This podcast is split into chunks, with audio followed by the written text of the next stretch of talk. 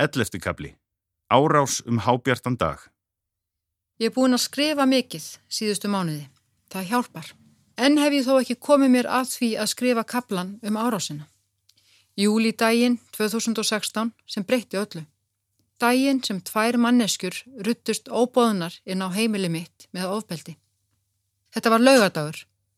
Ég var nývöknuð eftir næturflug frá Boston. Við Óli sátum inn í stofu með glæðleiri dóttur Óla sem var búin að vera hjá okkur í mánuð og átti þennan dag að fara til mömmu sinnar.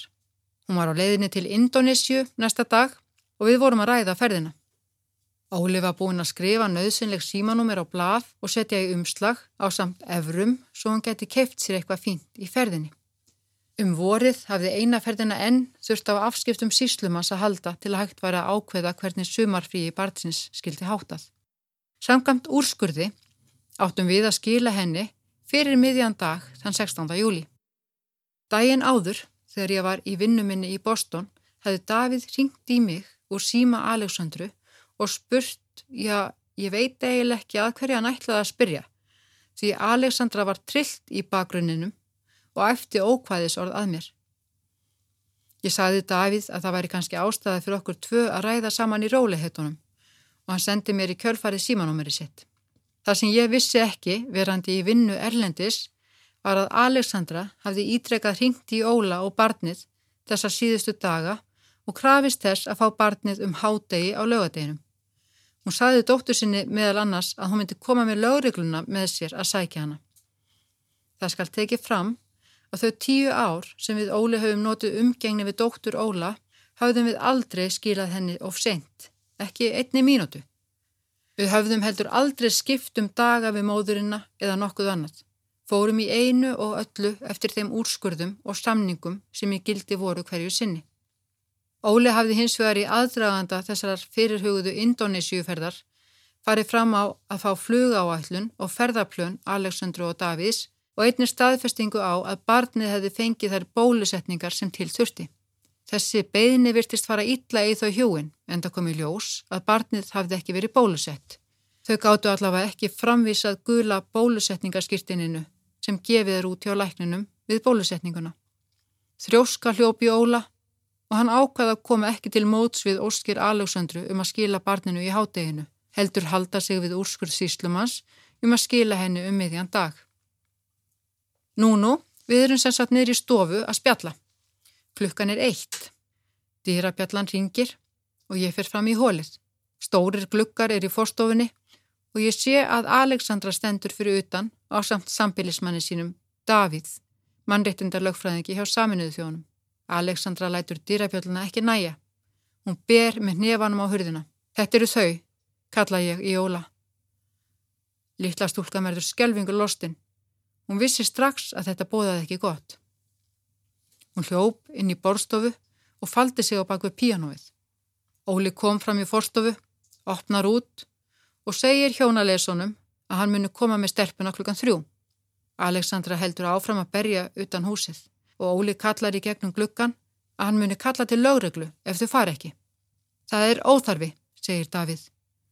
Lögreglan er hérna. Okkur verður litið yfir götuna og sjáum að þar stendur lögreglubill. Óli næri í úrskurð síslumans til að sína lauruglumanninum að barnið væri í okkar umsjá.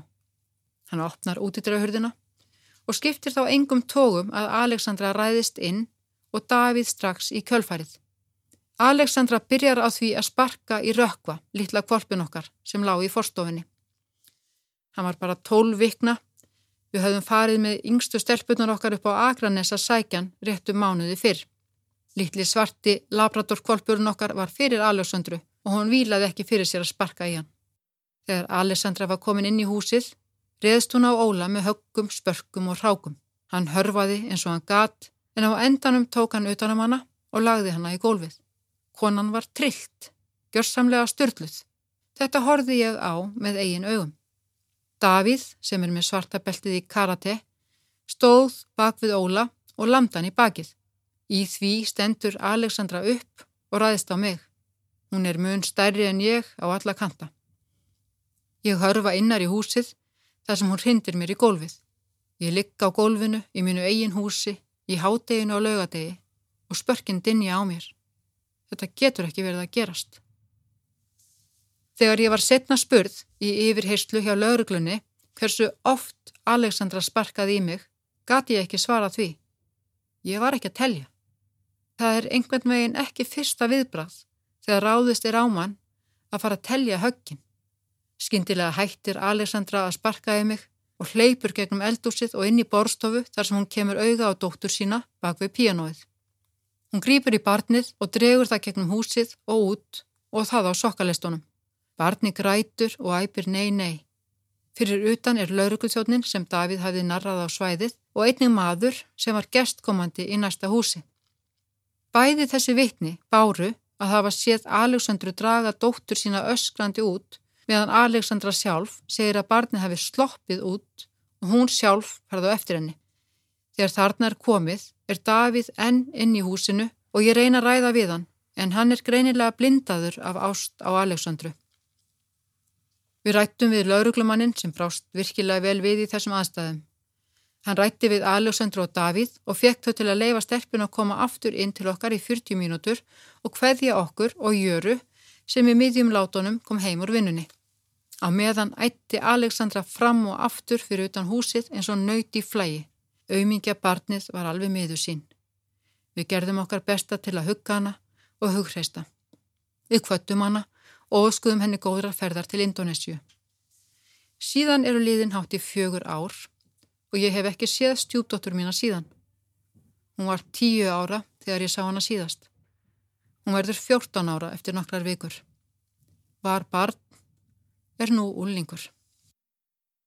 Þegar laurugluþjóttnin fór að ræða við okkur fyrir utan húsið og hann komst að því að Davíð væri sambílismadur Aleksandru en ekki lögmaður hennar, var hann mjög hissa.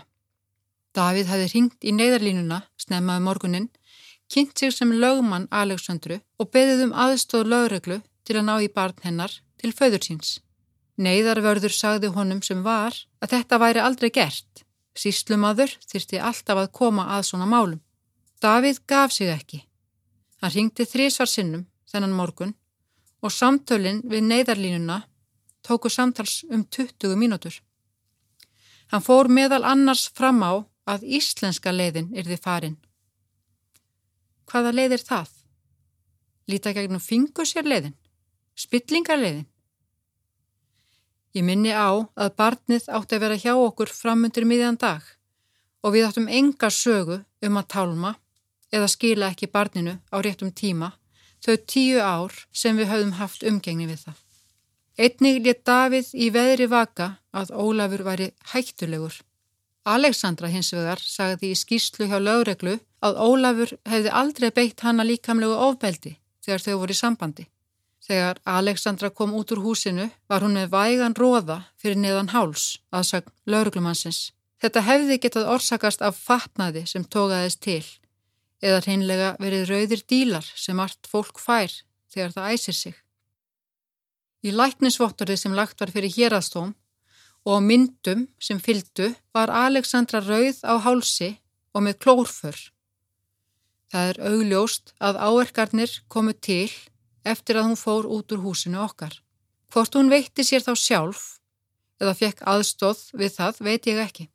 Yfirleiknir bráðamóttöku landsbítalans sem er reyndar skólafélagi Bróður Davíðs frá mentaskóla árum þeirra á Akureyri tók á móti henni og skrifaði vottorðið. Þar segir að hún sé tóknuð með höfuðverk, þurfað æla en æli þó ekki. Allt einnkenni sem hægt er að gera sér upp.